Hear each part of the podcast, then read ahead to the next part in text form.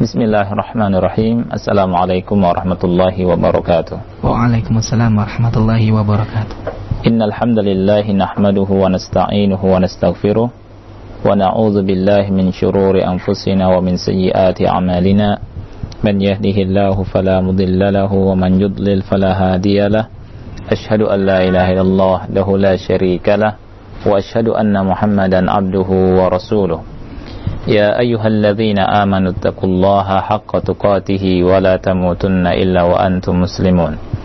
يا أيها الناس اتقوا ربكم الذي خلقكم من نفس واحدة وخلق منها زوجها وبث منهما رجالا كثيرا ونساء. واتقوا الله الذي تساءلون به والأرحام. إن الله كان عليكم رقيبا.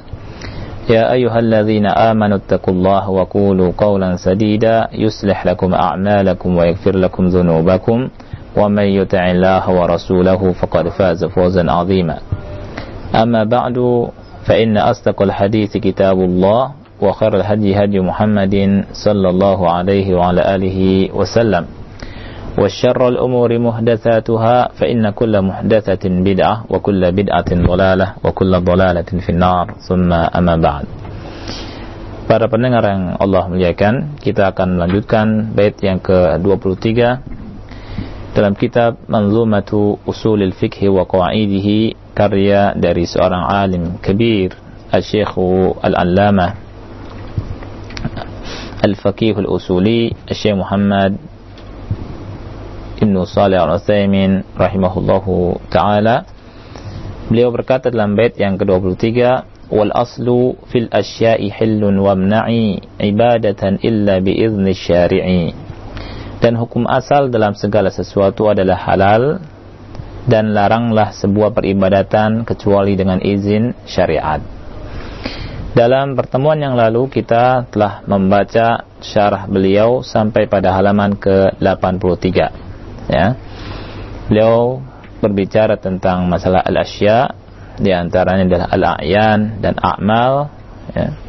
dan beliau berkata bahwa seseorang yang beramal dengan sebuah amalan atau mengambil sebuah permainan maka itu diperbolehkan selama tidak ada hal dari syariat yang melarangnya seperti seseorang yang menjadikan eh, jam beker untuk membangunkan tidurnya.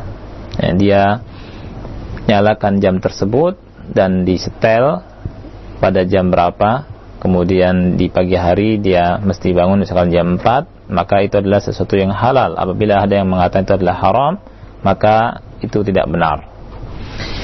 Kita masuk ke permasalahan yang ada pada kitab ini pada halaman ke-83. Syekh berkata di sini tentang al-muamalat. Wa hiya min al-asya'i al-aslu fiha al-hillu wa daliluha qawluhu ta'ala wa ahalla Allah wa ahalla Allah al-bai'a wa harrama ar-riba. Uh, yang seterusnya beliau berkata di, yang termasuk dengan al-asya segala sesuatu adalah masalah muamalat. Al-aslu dalam hukum muamalat adalah halal. Dalam hukum muamalat adalah halal. Dalilnya adalah firman Allah Subhanahu wa taala, "Wa ahallallahu al-bai'a wa harrama riba Allah menghalalkan jual beli dan Allah mengharamkan riba. Jadi, jual beli al-aslu adalah al-hil fakullu mubayatin fal aslu fiha al-hil. Maka semua jenis jual beli hukum asalnya adalah halal. Semua jenis jual beli hukum asalnya adalah halal. Wa kadzalika uqud. Begitu juga akad-akad yang lainnya. Begitu juga akad-akad yang lainnya sebagaimana firman Allah Subhanahu wa taala Ya ayyuhalladzina amanu aufu bil uqud. Wahai orang-orang yang beriman, tunaikanlah akad-akad kalian. Syekh berkata, "Fa'amarallahu bil wafa'i bil uqudi ala ayyi wajhin uqidat wa bi ayyi muamalatin kanat ma lam yathbut tahrimuha." Maka Allah Subhanahu wa taala memerintahkan untuk men menunaikan akad-akad ala ayyi wajhin ukidat di atas wajah atau sisi bagaimanapun apabila akad sudah ditunaikan dan dengan muamalah apa pun selama tidak ada pengharamannya dari syariat. Kemudian beliau membawakan sebuah hadis atau beberapa hadis dari Rasulullah sallallahu alaihi wasallam wa qala Rasulullah sallallahu alaihi wasallam dan Rasulullah sallallahu alaihi wa alihi wasallam bersabda inna haqqa syuruti an tuwaffu bihi mastahlaltum bihil furuj sesungguhnya syarat yang paling berhak untuk ditunaikan adalah sesuatu yang menghalalkan al-furuj ya sesungguhnya sesuatu uh, syarat yang paling hak untuk kalian tunaikan adalah yang dengannya kalian halalkan kemaluan. Kemudian juga Rasulullah sallallahu alaihi wasallam bersabda, "Al-muslimun ala syurutihim illa syartan ahalla haraman aw harrama halalan." Kaum muslimun eh, kaum muslimin di atas syarat mereka kecuali syarat yang menghalalkan sesuatu yang haram atau mengharamkan sesuatu yang halal. Dua hadis tadi, hadis yang pertama dikeluarkan oleh Al-Imam Al-Bukhari dalam kitab Syurud, juga dikeluarkan oleh Al-Imam Muslim dalam kitab Nikah dari hadis Uqbah bin Amir radhiyallahu anhu. Adapun hadis yang kedua Al-Muslimuna ala syurutihim adalah hadis yang dikeluarkan oleh Al-Imam At-Tirmidzi dalam kitab Al-Ahkam, juga oleh Al-Imam Ibnu Majah dalam kitab Al-Ahkam juga dari Amr bin Auf Al-Muzani radhiyallahu anhu. Beliau berkata, "Fahadha al-hadits wa in kana lakin yu'ayyiduhu hadits Aisyah radhiyallahu anha fi sahihain." Hadis ini walaupun dhaif akan tetapi dikuatkan oleh hadis Aisyah radhiyallahu anha dalam uh, sahihain artinya sahih Al-Bukhari dan sahih Muslim Rasul bersabda kullu syartin laysa fi kitabillahi fahuwa batilun wa in kana mi'ata syartin seluruh syarat yang tidak ada di dalam kitab Allah maka syarat itu merupakan hal yang batil walaupun seratus syarat. Kemudian beliau berkata fadalla ala anna ma kana muwafiqan li hukmillahi fa innahu ghairu batilin. Fa innahu ghairu batilin. Maka hadis ini menunjukkan bahwa akad apa saja yang sesuai dengan hukum Allah Subhanahu wa taala maka tidak dikatakan hal yang batal, hal yang batil. Ini dalam masalah muamalat. Jadi kita mengetahui al-aslu dalam masalah muamalat adalah al-hil. Selama belum ada keterangan dari syariat, baik itu dari Al-Quran atau sunnah Nabi yang mulia wasallam akan keharaman hal tersebut.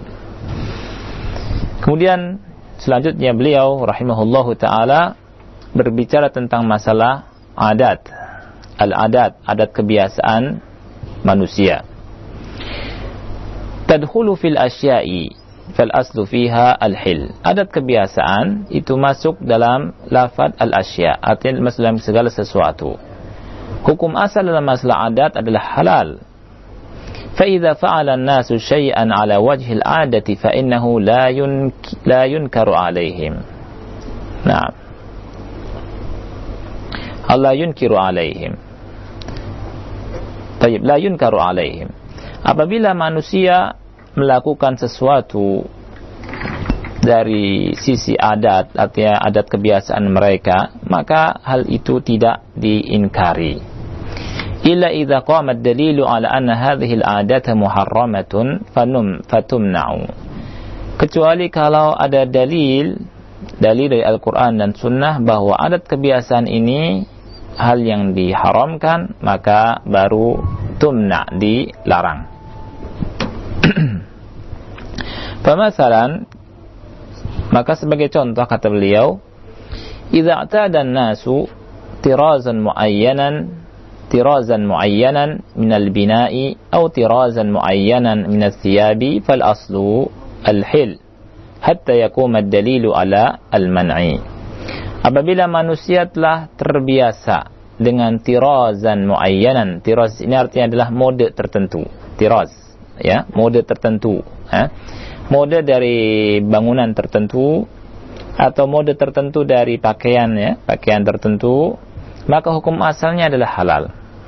Hukum asalnya adalah halal karena ini pakaian dan bangunan kembalinya kepada adat kebiasaan manusia ya hatta yakumad dalil alal man'i. Sehingga tegak adanya dalil pelarangan daripada hal tersebut. Wal man'u qad yakunu bil awsaf wa qad yakunu bil a'yan. Dan larangan yang ada dalam syariat terkadang dari sisi sifat dan terkadang dari sisi zatnya. Fal harir muharramun bi'ainihi. Pakaian yang terbuat dari harir dari kain sutra maka haram dari sisi zatnya untuk laki-laki tentunya. Wathawbun nazilu anil ka'baini muharramun biwasfihi. Sedangkan pakaian yang melebihi kedua mata kaki ini diharamkan dari sisi sifatnya. Ya. Ini sebagai contoh. Saya ulangi untuk kita memahami. Perhatikanlah para pendengar Allah muliakan. Hukum asal hukum asal dalam adat kebiasaan manusia adalah halal. Ya al aslu fil adat al hil hukum asal dalam adat kebiasaan manusia adalah halal. Ya kecuali kalau ada dalil yang menjelaskan tentang keharamannya. Contoh adalah apabila manusia telah terbiasa memakai pakaian tertentu, ya, kemudian juga tiraz muayyan eh, minal bina, ya, jadi bentuk bangunan tertentu, maka perlu diketahui hal ini adalah halal selama tidak ada dalil yang tegak tentang keharaman daripada adat kebiasaan manusia tersebut. Baik.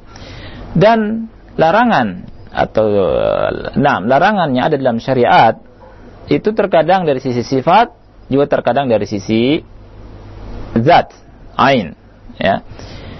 Yang dari sisi sifat adalah seseorang memakai pakaian seperti uh, pakaian yang melebihi mata kaki. Dia memakai pakaian bagus, tetapi tatkala sifatnya melebihi mata kaki untuk laki-laki tentunya maka diharamkan dari sisi itunya. Diharamkan dari sisi sifatnya. Nah kemudian e, memakai pakaian sutra. Memakai pakaian sesuatu yang halal tetapi tatkala e, ada dalil yang datang dari syariat yang mana Rasulullah SAW menjelaskan bahwa harir itu tidak boleh dipakai oleh laki-laki kaum muslimin maka hukumnya jadi haram uh, sutra dipakai oleh laki-laki kaum muslimin ya. Dan ini perlu diketahui oleh para pendengar bahwa hendaknya kita mengetahui kaidah ini supaya kita lebih memahami akan uh, adat kebiasaan manusia yang mana yang bertentangan dengan mana yang tidak bertentangan dengan syariat. Idzan al-aslu fil asya'i kulluha aw kulliha al-a'yanu wal manafi'u wal a'malu wa ghairuha al-aslu fiha annaha halalun la ithma fiha. Kesimpulannya kalau begitu kata beliau, hukum asal pada segala sesuatu, baik itu a'yan, zat, baik itu manafi, kemanfaatan-kemanfaatan atau amal-amalan dan yang selainnya, al-aslu fiha hukum asal tentang hal tersebut annaha halalun bahwa hal tersebut adalah halal la ithma fiha tidak ada dosa di dalamnya. Ini kesimpulan dari beliau. Kemudian beliau melanjutkan lau qala qailun kalau ada yang berkata al aslu fil asya'i at-tahrim hukum asal dalam segala sesuatu adalah haram li'annal milka milkullahi azza wa jal. Karena kepemilikan yang ada di semua ini adalah miliknya Allah Subhanahu wa taala. Wala yajuzu an natasarrafa fi mulkil ghairi illa biiznihi ya? Atau fi milkil ghairi illa biiznihi dan tidak boleh kita melakukan ya melakukan segala sesuatu atau bertindak atau mengamalkan atau uh, nah, melakukan ya natasarraf beramal dalam uh, kepemilikan orang lain ya, kita uh, tidak boleh melakukannya kecuali dengan izin orang tersebut ya. dan kita tahu bahwa ini semua milik Allah Subhanahu wa taala. Oleh karena itu maka kata uh, orang hukum asalnya adalah haram ya. Fa dalilu ala anna al-asla al-hil dia bertanya mana dalil bahwa hukum asal dari segala sesuatu adalah halal? Ya. Jadi ini i'tirad. Ini i'tirad artinya ada orang yang e, memberikan pendapat bahwa hukum asal dari segala sesuatu adalah haram. Menyelisih pendapat yang pertama tadi. Hukum asal dari segala sesuatu adalah halal. Dan tentunya pendapat ini lemah. Hukum asal yang mengatakan hukum asal segala sesuatu adalah haram ini lemah. Tapi kita tapi dibawakan oleh Syekh Muhammad wasallam rahimahullah taala agar kita mengetahui tentang lemahnya pendapat ini dan agar kita mengetahui tentang bagaimana menjawab dalil yang digunakan oleh pendapat ini. Fal jawabu kata beliau jawaban dari per, pernyataan orang tersebut adalah sahih annal milka milkullahi azza wajal. Sahih artinya benarlah bahwa al-milk kepemilikan itu miliknya Allah Subhanahu wa taala wala natasarrafu bi syai'in min mulkihi illa bi dan kita tidak boleh bertindak ya, berbuat segala sesuatu ya mengambil dan berbuat uh, segala sesuatu dari kepemilikan Allah Subhanahu wa taala melainkan dengan izin Allah Subhanahu wa taala. Kemudian Syekh berkata, "Lakin huwallazi adzina lana." Akan tetapi dialah Allah Subhanahu wa taala yang telah mengizinkan kepada kita. Qala azza wa jal Allah Subhanahu wa taala berfirman, "Huwallazi khalaqa lakum ma fil ardi jami'a." Dialah Allah Subhanahu wa taala yang telah menciptakan segala sesuatu uh, menciptakan untuk kalian ma fil ardi apa-apa yang ada di bumi jami'a semuanya. Lihat Allah di sini berkata, lakum untuk kalian. Ma fil ard apa yang ada di bumi. Jami'an semuanya.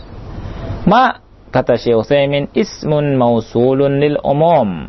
Ma adalah isim mausul dalam bahasa Arab namanya isim mausul artinya kata sambung. Ya yang menunjukkan keumuman. Huwallazi khalaqalakum ma fil ardi. Apa saja yang ada di bumi. Ma itu terjemahnya adalah apa saja. Dialah Allah Subhanahu wa taala yang telah menciptakan lakum untuk kalian ma fil ardi. Apa saja yang ada di bumi ya? Syekh berkata ma itu adalah isim mausulil umum. Artinya apa saja yang ada di bumi untuk kalian Allah telah mengizinkan ya? Berarti dari sini kita mengetahui bahwa hukum asal dari segala sesuatu adalah halal.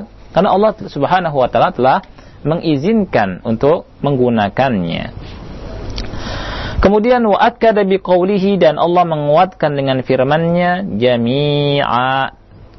Kalimat jami'a adalah takkid bagi ma fil ardi. Ya, apa-apa yang ada di bumi seluruhnya.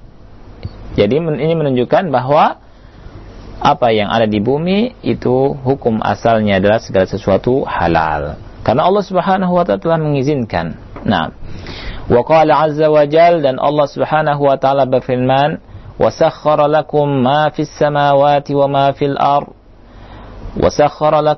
Fis samawati wa ma fil ardi jami'an minhu. Dan dialah Allah Subhanahu wa taala yang telah menundukkan untuk kalian apa-apa yang ada di langit dan apa-apa yang ada di bumi semuanya. Ya. Dalam surat Al-Jathiyah ayat 13. Ai dzallala lana ma fis samawati wal ard. Artinya adalah Allah menundukkan untuk kita apa yang ada di langit dan apa yang ada di bumi. Fasyamsu mudhallalatun lima salihina. Maka matahari dia ditundukkan oleh Allah Subhanahu wa taala untuk kita ya, untuk kemaslahatan-kemaslahatan kita manusia di atas muka bumi ini. Wal qamar begitu juga bulan ya wan nujum begitu juga bintang-bintang. Was sahab begitu juga awan. Wariyah begitu juga dengan angin-angin. Kulluha mudhallalatun lima salihina semua itu telah ditundukkan oleh Allah Subhanahu wa taala untuk kemaslahatan kemaslahatan kita semua. Walillahil hamd. Dan segala puji hanya milik Allah Subhanahu wa taala. Ya? Jadi فالشمس مذللة لمصالحنا والقمر والنجوم والسحاب والرياح كلها مذللات لمصالحنا ولله الحمد بإذن الله عز وجل semuanya dengan izin Allah subhanahu wa ta'ala وقال تعالى dan beliau berkata Allah subhanahu wa ta'ala berfirman وقد فصل لكم ما حرم عليكم illa matturirtum ilai dan sesungguhnya Allah telah mentafsil telah memerinci untuk kalian apa yang telah Allah haramkan atas kalian kecuali apa yang terpaksa ya. Fanahnu lam nakul. Kami tidak berkata innal asla al-hil illa ba'da an ba'da an alimna idna rabbina bidzalik ya. Kita tidak berkata hukum asal adalah halal kecuali setelah kita mengetahui izin Rob kita dengan eh, dengan hal tersebut ya. Baik. Ini jawaban dari orang yang berkata bahwa hukum asal dalam segala sesuatu adalah haram dengan sebab dengan dalil bahwa kepunyaan ini milik Allah semua. Jadi kita tidak boleh berbuat ya sewenang-wenang. Jawabannya adalah Kata Syekh Utsaimin, betul bahwa ini semua milik Allah Subhanahu wa taala. Kita tidak boleh berbuat sewenang-wenang, tetapi Allah Subhanahu wa taala telah mengizinkan kepada kita untuk kemaslahatan kita apa yang telah Allah ciptakan di langit apa-apa yang di langit dan di bumi. Fa in qala qailun, apabila ada yang berkata, "Alaysallahu yaqulu qul Allahu adzina lakum am 'ala Allahi taftarun?" Kalau ada bantahan, ada yang berkata, bukankah Allah Subhanahu wa taala berfirman, "Kul katakanlah, Allahu adina lakum." Apakah Allah telah mengizinkan untuk kalian? Am 'alallahi taftarun? Atau apakah kalian mengada-ada atas Allah Subhanahu wa taala? Qulna maka kami jawab, bala, ya. Lakin hadza fi syariah. Tetapi ayat ini dan yang semakna dengan ayat ini adalah berkenaan dengan syariat Allah Subhanahu wa taala, bukan tentang masalah al-asya, adat kebiasaan dan yang lainnya. Haitsu kanu yuhilluna ma sya'u wa yuharrimun. Di mana mereka orang-orang yang Allah tegur dengan ayat ini adalah orang-orang yang menghalalkan apa yang mereka inginkan dan mengharamkan apa yang mereka inginkan. Kemudian menisbatkan hal tersebut kepada Allah Subhanahu wa taala. Qala ta'ala Allah Ta'ala berfirman Am lahum syuraka Am lahum syuraka syara'u lahum minad din ma lam ya'zam bihillah Apakah mereka memiliki sekutu-sekutu yang membuat syariat untuk mereka dari agama ini yang tidak diizinkan oleh Allah ya Taib ولهذا قال الناظم oleh karena itu an-nazim artinya Syekh sendiri berkata dalam uh, penggalan yang kedua dari bait yang ke-32 ini atau ya. Eh maaf bait yang ke-23 ya. Beliau berkata wamna ibadatan illa biizni syari' ya. Wamna'i ibadatan illa biizni syari'i laranglah peribadatan kecuali apabila mendapatkan izin dari syariat. Ya. Wamna adalah fi'lu amrin. Wamna adalah fi'il amr. Asy-syari' kata Syekh wasfun lahu subhanah adalah merupakan sifat Allah Subhanahu wa taala. Sifat bagi Allah Subhanahu wa taala. Wadalilu qawluhu ta'ala dan dalilnya adalah firman Allah Ta'ala syara'a lakum minad din. Allah telah mensyariatkan agama untuk kalian. Juga firman Allah Ta'ala ja'alna minkum syir'atan wa minhaja. Bagi semuanya kami telah menjadikan ya untuk dari kalian syir'atan wa minhaja, syariat dan manhaj tersendiri. Kami telah menjadikan di antara kalian untuk tiap-tiap umat, untuk tiap-tiap umat syariat dan manhaj. Lakin al-ulama rahimahumullah yaqulun akan tetapi para ulama rahimahullah berkata inna syari'a wasfun lillahi wa li sallallahu alaihi wasallam. Kalimat asy-syari' lafaz asyari adalah merupakan sifat bagi Allah juga sifat bagi Rasulnya sallallahu alaihi wa alihi wasallam. Karena apa? Lianna Rabb Azza wa Jalla yusyarri'u. Karena Allah Rabb Azza wa Jalla yang memberikan syariat, yang membuat syariat. Wa Rasul sallallahu alaihi wa alihi wasallam yusyarri'u dan Rasul sallallahu alaihi wasallam juga yusyarri' yang membuat syariat. Wa ma syarra'ahu ar-Rasul sallallahu alaihi wasallam fahuwa syar'ullahi. Dan apa yang disyariatkan oleh Rasulullah sallallahu alaihi wa alihi wasallam maka itu merupakan syariatnya Allah pula. Wa qawluhu dan perkataan beliau wamna'i ibadatan illa biizni syari'i dan laranglah ibadah kecuali dengan izin syariat. Ini sebuah kaidah yang artinya adalah yakni la tujiz ibadatan illa. Janganlah kau membolehkan ibadah apa pun kecuali apabila ada izin dari syariat ya. Falau ta'abbada syakhsun lillahi bi'ibadatin namna'uhu hatta dalilan ala masyru'iyatiha. Kalau ada seseorang beribadah kepada Allah Subhanahu wa taala dengan sebuah ibadah, maka kami melarangnya sehingga dia menegakkan dalilnya tentang apa yang dia kerjakan sehingga dia menegakkan dalilnya atas disyariatkannya ibadah tersebut yang dia lakukan tersebut.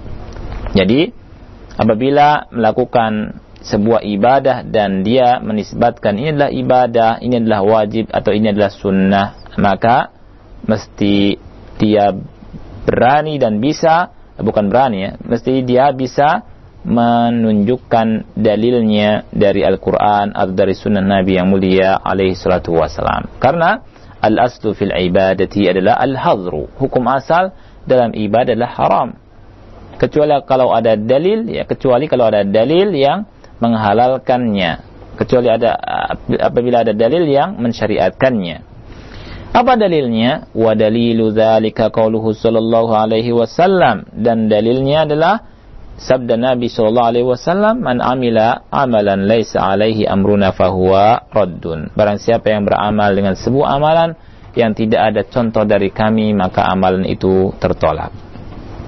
Wa fi riwayatin dalam, dalam dan dalam riwayat yang lain man ahdatsa fi amrina hadza ma laisa minhu fahuwa rad barang siapa yang membuat-buat hal yang baru dalam urusan kami dalam agama kami apa-apa yang tidak ada contoh darinya maka tertolak. Wa wajhud dalalah dan wajhud dalalah sisi pendalilan dari dua hadis ini adalah anal ibadata bahwa peribadatan allati lam yashra'ha Allah yang tidak disyariatkan oleh Allah Subhanahu wa taala ya laisa 'alaiha amrullahi wa rasuluhu fatakunu mardudah yang tidak ada di atasnya perintah Allah dan Rasulnya, maka ibadah itu tertolak. Saya ulangi, sisi dalil dari hadis man amila amalan laisa alaihi amruna adalah bahwa peribadatan yang tidak disyariatkan oleh Allah Subhanahu wa taala yang tidak ada perintah dari Allah dan perintah dari Rasul sallallahu alaihi wasallam tentang ibadah tersebut maka ibadah tersebut mardudatan fatakunu mardudatan, ibadah yang tertolak. Kalau anna insanan ta'abbada lillahi ta'ala bi ibadatin lam yashra'ha Allah kanat al-ibadatu batilatan. Maka apabila ada seseorang yang beribadah kepada Allah Ta'ala dengan sebuah ibadah yang tidak disyariatkan oleh Allah Subhanahu Wa Ta'ala, maka ibadah itu adalah ibadah yang batil. Sawa'un kanat lam tushra' min asliha au syuriat ala wajhin akhar. Sama saja apakah ibadah tersebut secara asalnya tidak disyariatkan atau disyariatkan tetapi dari sisi yang lain, ya.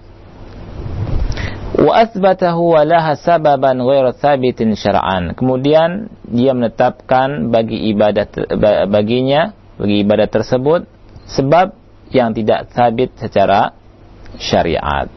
Fa innaha mardudatun alaihi. Maka ini tertolak. Ya. Jadi ibadah apa saja yang dilakukan oleh seseorang, oleh kita, hendaknya kita bisa menget, membawakan dalilnya, ya, menegakkan dalilnya. Kalau tidak ada dalilnya, kemudian kita klaim ini adalah sebuah ibadah maka tertolak. Wa ta'ala munkiran ala man yashra'una bila idnihi dan Allah Subhanahu wa taala berfirman berkata ya mengingkari orang yang membuat syariat dengan tanpa izin Allah Subhanahu wa taala dengan firman-Nya am lahum syuraka'u syara'u lahum minad din ma lam ya'zan bihillah?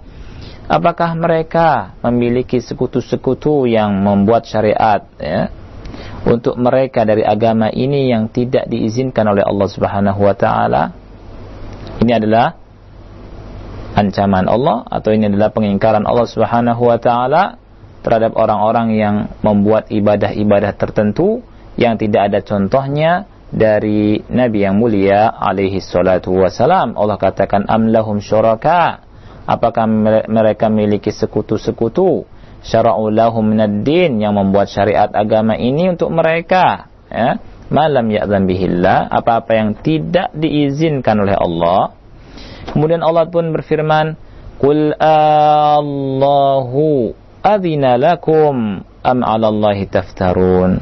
Kul, katakan wahai Muhammad, kepada mereka Allahu adzina lakum. Apakah Allah yang mengizinkan untuk kalian membuat syariat?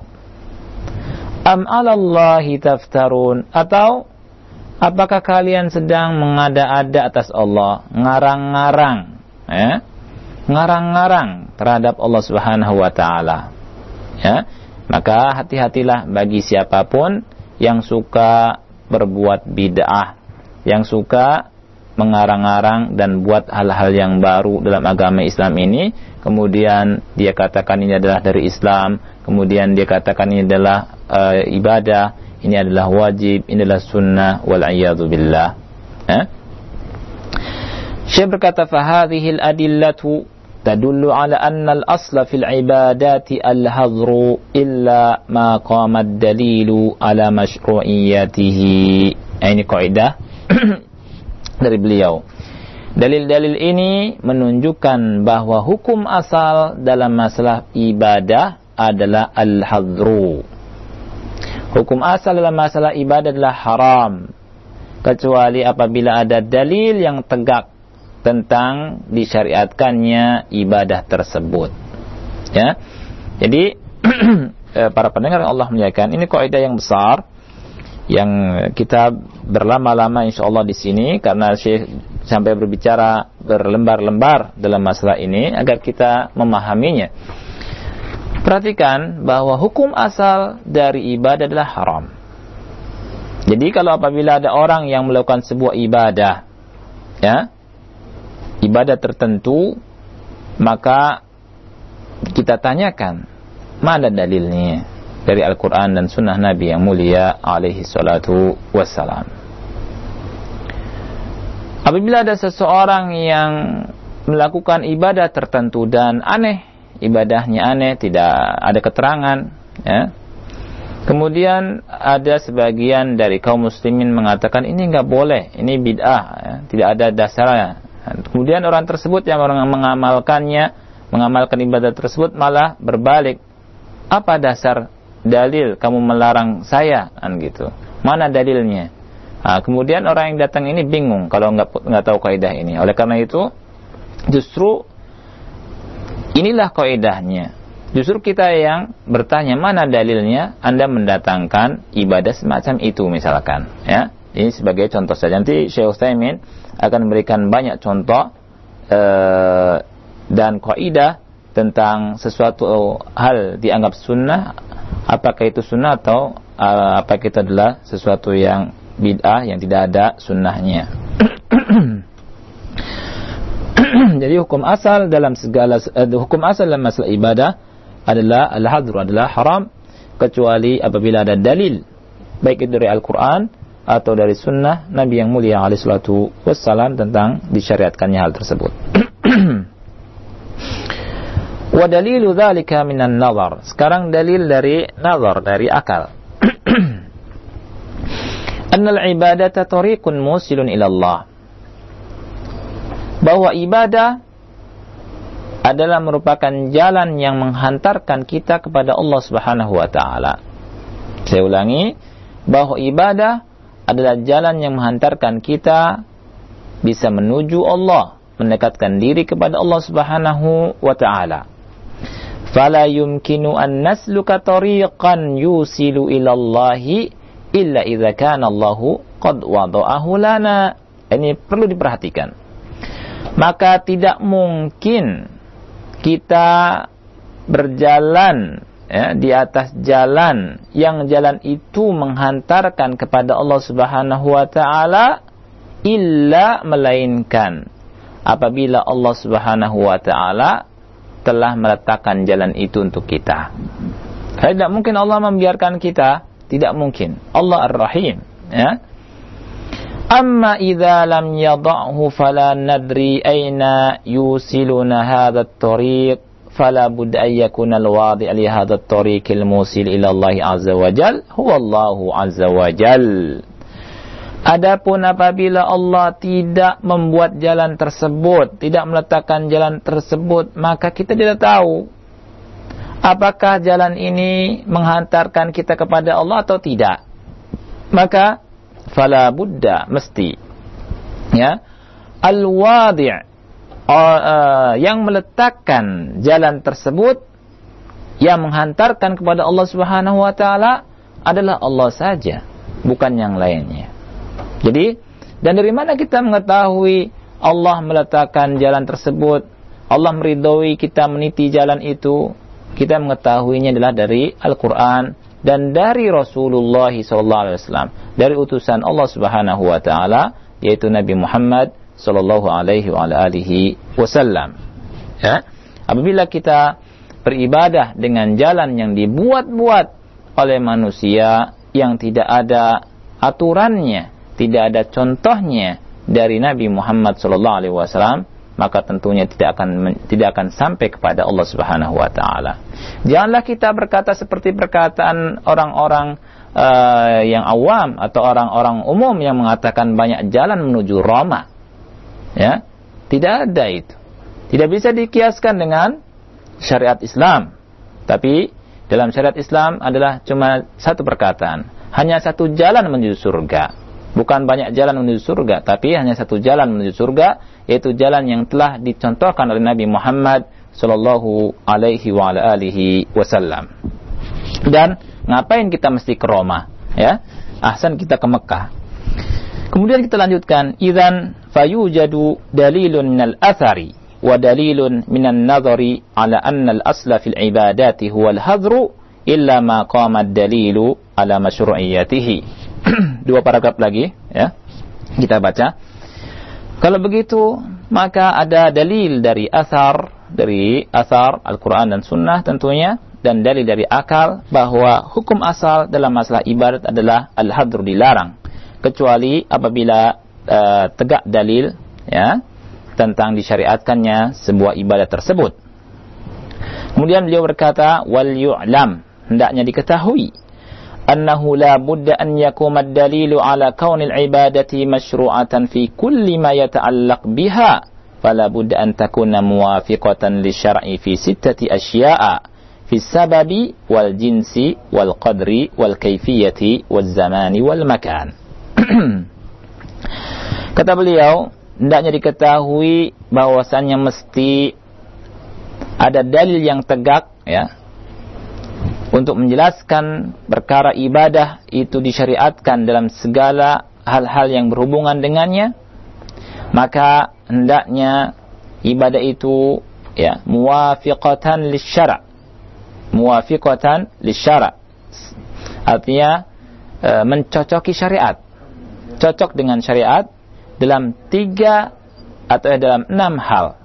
Hal yang pertama dalam masalah sababnya Hal yang kedua dalam jenisnya. Hal yang ketiga dalam masalah kadarnya. Yang keempat kaifiatnya tata caranya. Dan yang kelima dalam masalah zaman waktunya. Dan yang keenam masalah makan tempatnya. Yang insyaallah taala ini semua akan kita lanjutkan pekan depan. Insyaallah taala biiznillah apabila Allah masih mengizinkan untuk bertemu dan masih memberikan umur yang panjang pada kita semua. Dan kita cukupkan sampai sini Mudah-mudahan bermanfaat. Selanjutnya saya serahkan kepada Akh Umar. Nah. Nah Ustaz, jazakallahu khairan atas materi yang telah Antum sampaikan di sore hari ini dalam nazam yang ke-23 ini yang telah memasuki halaman ke-86 dan selanjutnya para pendengar kami akan ajak Anda untuk bersoal jawab kepada beliau seputar materi yang beliau sampaikan di sore hari ini untuk itu pada Anda yang ingin bertanya Anda bisa bertanya langsung di layanan telepon kami di 0218236543 8236543 atau bagi Anda yang ingin bertanya melalui pesan singkat di 0819896543. Selanjutnya berikut Anda bisa bersoal jawab dengan beliau. ولقد يسرنا القرآن للذكر فهل من مدكر فاقرؤوا ما تيسر من القرآن. وقال الرسول يا رب إن قوم اتخذوا هذا القرآن مهجورا. كلام الله. راديو رجاء 756 كيلو هز للذاكرين والذاكرات إذاعة القرآن الكريم راديو دعوة أهل السنة والجماعة والجماعة Assalamualaikum warahmatullahi wabarakatuh Para pendengar semua Dan selanjutnya kita akan Yang pertama Ustadz Ya. Kita akan ambil dari beberapa pertanyaan pesan singkat Ustadz Hmm. Assalamualaikum warahmatullahi wabarakatuh Ustadz Waalaikumsalam warahmatullahi wabarakatuh. Ustadz apakah seorang muslim karena kehilafannya Pernah berbuat musyrik Lalu dia menyesal dan bertobat Apakah dia harus bersadat kembali Jika harus bagaimana mekanismenya Syukran dari Rohendi Sukamandi Subang Silakan Berbuat syirik dia. Iya Ustadz. Hah? Nah, apakah perlu bersadat kembali untuk bertobatnya dengan cara bersadat kembali atau tidak? Kalau memang perlu, bagaimana mekanismenya? Silakan. Nah, wallahu a'lam bishawab tentunya tentang apabila dia melakukan karena kejahilan, karena kejahilan, maka menurut pendapat yang rajih dan anak pilih adalah terima adanya uzur bil jahl. Adanya uzur bil jahl. Kebodohan itu diterima. Hal ini didasari dengan eh, asar bahwa seorang sahabat Nabi yang mulia alaihi salatu wassalam Muaz ya, bin Jabal pernah eh, beliau setelah jalan di kota Syam melakukan safar di kota Syam kemudian kembali ya ke kota Madinah dan beliau setelah itu melihat Nabi Shallallahu Alaihi Wasallam sujud ya. Kenapa beliau sujud? Karena eh, beliau melihat di negeri Syam dan di kota-kota yang beliau eh, singgahi di sana orang-orang eh, Nasrani eh, mereka sujud kepada uskup mereka dan raja-raja mereka. Ya. Kemudian Muaz itu menyangka bahwa hal ini baik dilakukan untuk Rasulullah SAW. Nah, beliau sujud kepada Rasulullah SAW. Ya. Beliau sujud kepada Rasulullah SAW dan kita tahu bahwa bersujud kepada selain Allah hukumnya adalah syirik. Hukumnya adalah syirik walaupun kepada Nabi Muhammad Sallallahu Alaihi Wasallam. Dan tidak boleh. Oleh karena itu Nabi yang mulia alaihi salatu wasallam itu melarang Muad ya. Kata Rasulullah taf'al ya Muad jangan lakukan ya. Kata Rasul kalau seandainya aku merintahkan ya aku merintahkan seorang makhluk untuk sujud kepada yang lainnya maka niscaya aku akan perintahkan seorang wanita sujud kepada suaminya ya dan dalam hadis ini tidak dijelaskan uh, Muad uh, bersyahadat kembali ya wallahu a'lam bishawab tapi taubat tentunya kepada Allah Subhanahu wa taala nah Nah, Ustaz. Jazakallah khair atas jawaban yang Antum berikan Ustaz dan selanjutnya kembali kami angkat dari pertanyaan berikutnya. Assalamualaikum warahmatullahi wabarakatuh Ustaz. Waalaikumsalam warahmatullahi wabarakatuh. Ustaz, bagaimanakah tentang tren atau mode pakaian yang ada di zaman sekarang ini Ya. yang di mana condong mengikuti tren-tren orang kafir? Apakah hal ini diperbolehkan? Nah. Baik. Tentunya seperti yang sudah kita bahas ya, al-aslu fil adat al-hil. Hukum asal dalam adat adalah halal, ya. Pakaian masuk dalam masalah adat kebiasaan. Dan kita mesti mengetahui pakaian jadi haram apabila sifatnya itu telah menyelisihi sesuatu atau telah menyelisihi syariat. sifat pakaian yang diharamkan adalah apabila pakaian itu isbal. Apabila pakaian itu apa? Isbal, uh, turun ke bawah lebih daripada mata kaki. Ini hukumnya haram. Ya.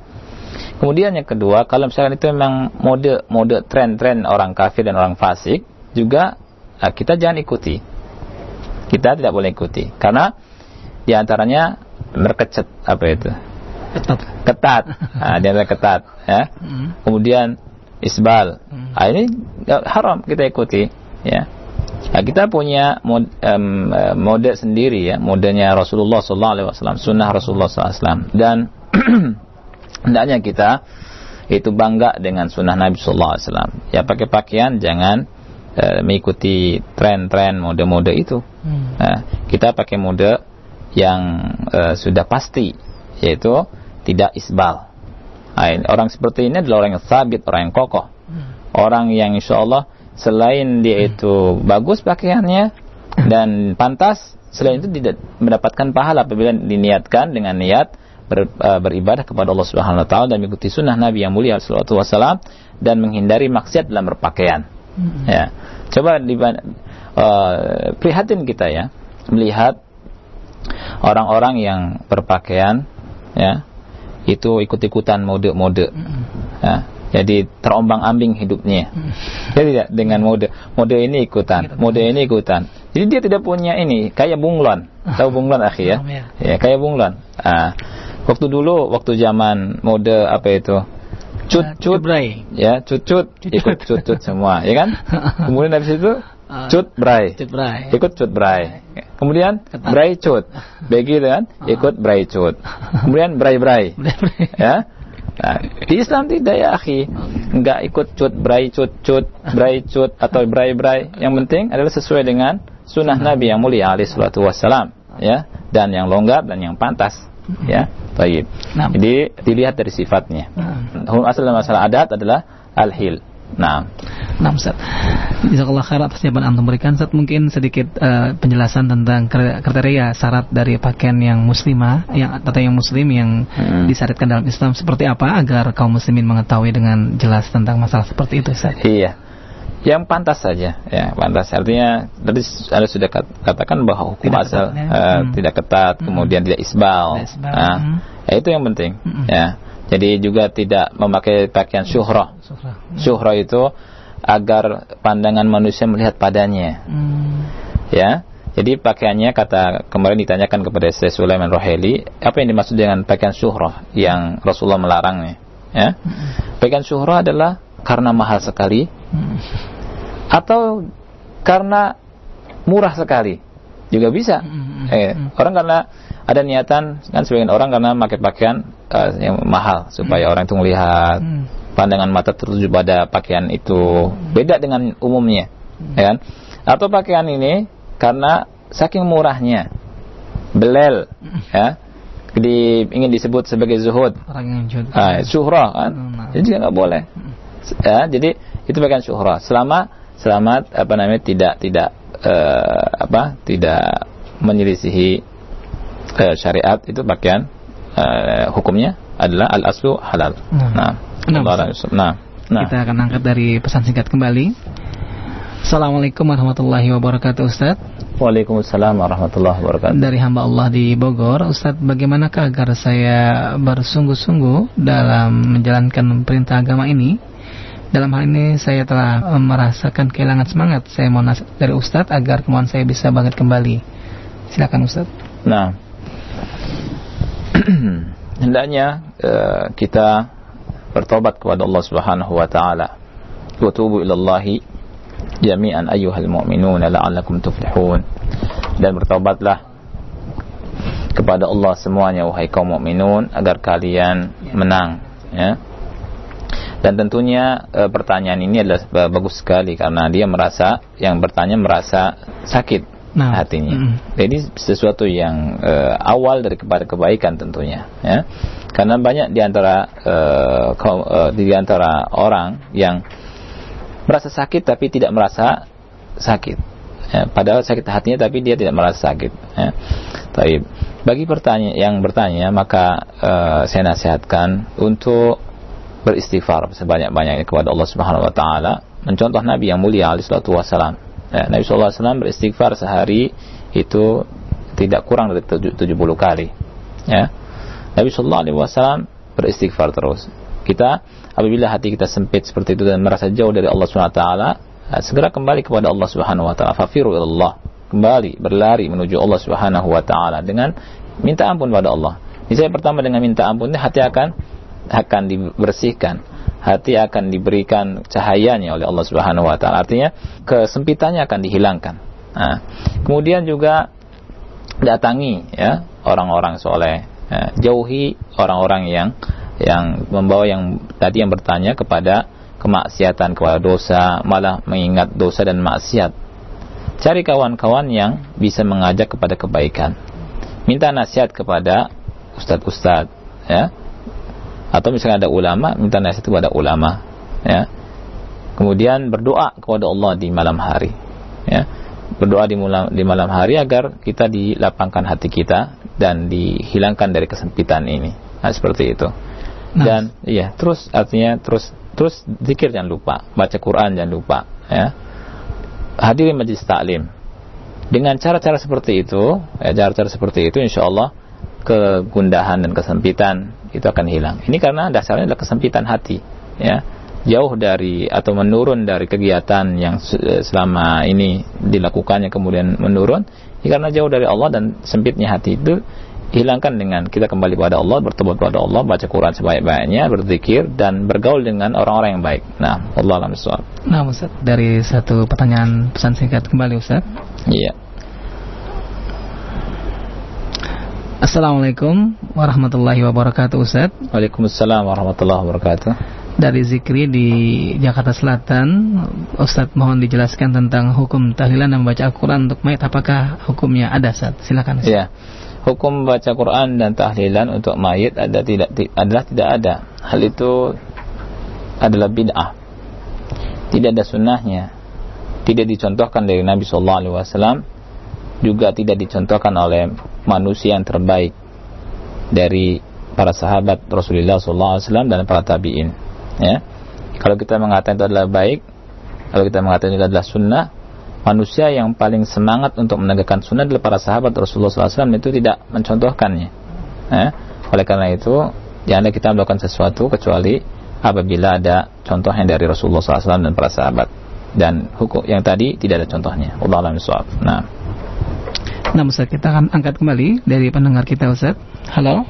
Halo, Assalamualaikum warahmatullahi wabarakatuh. Waalaikumsalam warahmatullahi wabarakatuh. Dengan siapa, Umu? Dengan Umi Inayah di Bekasi. Iya, silakan. Uh, Ustadz, saya mau tanya bagaimana dengan baju muslimah yang ber, berenda, berpayet, terus uh, uh, berbordir juga, untuk ah. jilbabnya juga. Jazakumullah khair. Wassalamualaikum warahmatullahi wabarakatuh. Waalaikumsalam. Silakan. Nah, intinya untuk wanita ya uh, hindarilah berpakaian-pakaian yang uh, ada hiasan-hiasan di pakaiannya itu. Karena itu mengundang perhatian pria mengundang perhatian laki-laki. Wallahu a'lam bishawab nah. Nah Ustaz. Baik kita angkat kembali dari pendengar kita. Halo Assalamualaikum. Waalaikumsalam warahmatullahi wabarakatuh. Dengan siapa Pak dan di mana? Dengan Pak Herudin tadi putus semua. Oh iya, silakan Pak Herudin. Silakan. Dari Cimanggis Pak ya? Iya eh, Cak, saya mau tanya ini aja kalau seperti di Mekah atau di Madinah gitu ya apa ada sunahnya itu kalau dia kalau terawih itu menghadapkan Quran gitu karena di Indonesia ini yang saya tahu malah udah bawain yang sebelah bacanya pendek-pendek gitu di sana udah 23 terus panjang-panjang itu yang ada sunnahnya yang mana kalau untuk baca kayak gitu gitu aja kan Iya. Assalamualaikum warahmatullahi wabarakatuh. Waalaikumsalam warahmatullahi wabarakatuh. Silakan. Nah, sunnahnya adalah apa yang dicontohkan oleh Nabi yang mulia alaihi salatu wasallam tidak melihat ke sana tidak melihat kemari. Yang dicontohkan oleh Nabi sallallahu alaihi wasallam adalah Nabi sallallahu alaihi wasallam melakukan salat 11 rakaat dan bacaannya panjang-panjang. Pernah Nabi sallallahu alaihi wasallam melakukan membaca uh, Al-Qur'an surat Al-Baqarah, kemudian Ali Imran dan An-Nisa ya di salat tarawihnya. Jadi kalau kita mengatakan sunnah Nabi yang mulia sallallahu alaihi wasallam adalah hendaknya kita kembalikan kepada apa yang dicontohkan oleh Nabi sallallahu alaihi wasallam dan tidak melihat ke barat atau ke timur dan seterusnya. Allah alam suap. Nah. Nah, Ustaz. Baik, Ustaz kita akan angkat kembali dari pendengar kita di Tanjung Priok dengan Abu Sarif. Halo. Halo, Assalamualaikum. Waalaikumsalam warahmatullahi wabarakatuh. Silakan Pak. Allah Ustaz ya. Saat pertanyaan saat sampai kapan ini seperti tahlilan ya itu seperti baca doa di kubur itu bisa hilang saat ya kalau hmm. apakah kurangnya eh, para dai-dai untuk memperjelas bahwa itu adalah dilarang hmm. yang kedua ini saya dapat kiriman gamis ini sampai ngengser saat ini ditekuk hmm. kalau dipotong saat mata kaki atau Iya, iya ini, ini iya. gamisnya sampai panjang sekali begitu saat. Hmm. Jadi harus dipotong di atas mata kaki saat ya. Iya, betul di atas mata kaki harus dipotong itu pak. Harus dipotong ya. Harus dipotong. Iya, Dijahit lagi. Sampai ngengser ngengser ini. Iya. Barakallah fiik. Iya, terima kasih ya. Assalamualaikum. Iya. Waalaikumsalam warahmatullahi wabarakatuh. Silakan. Nah, baik. Uh, tentunya di atas muka bumi ini adalah ada al-haq dan ada kebatilan selalu bertempur ya. oleh karena itu maka tidak ada cara bagi dai melainkan hanya menyampaikan. Ya. Sejak zaman dahulu kita mesti menyadari para rasul alaihi salatu wasalam mendakwahkan Islam mendakwahkan al-haq mendakwahkan Islam. Itu ada yang menerima dan ada yang tidak menerima. Ya. kemudian juga pengikutnya ada yang setia ada yang menambah-nambah dan mengurangi. Ya. Oleh karena itu hendaknya jadilah kita pengikut Nabi yang mulia, yang setia dan tidak menambah-nambah dan tidak mengurangi dalam masalah din Islam ini. Agar kita agar kita selamat di dunia dan akhirat. Ya. Dan agar kita bisa meminum telaga Nabi yang mulia alaihi salatu wassalam. Orang yang mengada-ada din Islam, orang mengada-ada kebidahan, dia akan diharamkan dari minum telaga Nabi yang mulia alaihi salatu wassalam. Ya. E, kemudian tentang masalah tadi pakaian ya nah, itu hendaknya dipotong di atas mata kaki. Hmm. jangan sampai isbal. Ya memang gamis-gamis itu yang eh, yang gitu? ya, iya itu isbal. Kita pun kalau beli ya itu hmm. isbal semua kan gitu. Karena... ya kita potong sendiri. Ya potong karena, lagi. karena ukuran untuk orang sana tadi ya? Iya orang nah, kalau di sana beli gamis hmm. itu pada ngengser semua ke bawah. Hmm. nah kita um, potong bayar 5 real atau 10 real. Oh gitu. Iya, hmm. dipotong di sana. Nah, kalau di sini potong sendiri sama istri atau sama apa namanya? Tukang jahit. Ya? Tukang jahit. Nah, oh. Allah alam soal. Nah, Ustaz. Baik, Ustaz, kita angkat pertanyaan terakhir. Ustaz, terakhir. Iya. Halo. Assalamualaikum. Waalaikumsalam warahmatullahi wabarakatuh. Dengan siapa dan di mana, Pak? Dari Muflis di Kelincing. Iya, silakan, ya. Pak. Ustaz, saya mau tanya, bila seorang sakit dihadapkan pada pilihan dia hanya bisa berdiri atau duduk. Maksudnya berdiri tidak bisa sholat sempurna ya Ustaz karena luka-lukanya. Hmm, iya. Sebaiknya dia sholatnya berdiri atau duduk gitu Ustaz. Terima kasih. Assalamualaikum warahmatullahi wabarakatuh. Waalaikumsalam warahmatullahi wabarakatuh. Untuk orang yang sakit tentunya hukumnya berbeda dengan orang yang sehat. Nabi yang mulia SAW pernah bersabda, "Sholli qa'iman." Salatlah berdiri. Fa illam tastati fa qa'idan. Kalau misalkan engkau tidak sanggup maka duduk. Fa illam tastati fa ala janbin. Kalau tidak sanggup e, duduk maka berbaring. Kalau dihadapkan dengan dua pilihan, maka hukum asal salat itu berdiri. Karena Nabi sallallahu alaihi wasallam itu memerintahkan orang untuk salat berdiri, ya. Wallahu a'lam bishawab. Nah, nah Ustaz. Baik, uh, demikianlah para pendengar semua sesi soal jawab kita bersama beliau dan selanjutnya untuk uh, perjumpaan kita saat yang singkat yeah. yang di sore hari ini ada yang ingin antum sampaikan untuk para pendengar? Silakan yeah. yang ingin anda sampaikan oleh, kepada para pendengar adalah uh, kesimpulan dari apa yang kita pelajari ya. Yang pertama adalah al aslu fil asya'i al hil hukum asal segala sesuatu adalah halal ya. Kemudian al aslu yang kedua kaidah al aslu fil ibadati al hadru hukum asal dalam masalah peribadatan adalah haram kecuali kalau ada dalil yang menjelaskan tentang disyariatkannya ibadat tersebut dengan dasar man amila amalan laisa alaihi amruna fahuwa rad. Barang siapa yang beramal dengan sebuah amalan yang tidak ada contoh ya, yang tidak ada contoh dari Nabi sallallahu alaihi wasallam dari kami dari tentunya dalam Al-Qur'an dan dalam sunnah maka amalan itu tertolak. Ini yang pertama. Yang kedua, saya mengajak untuk diri saya sendiri dan para pendengar untuk selalu semangat untuk membaca. Selalu semangat untuk telabul ilmi agar kita bisa menjadi orang yang uh, berilmu dan agar kita tidak bisa dibodohi oleh orang-orang yang membodohi kita. Ya? Mungkin sampai sini saja kita cukupkan. Subhanakallahumma bihamdika asyhadu an la ilaha illa anta astaghfiruka wa atubu. Assalamualaikum warahmatullahi wabarakatuh.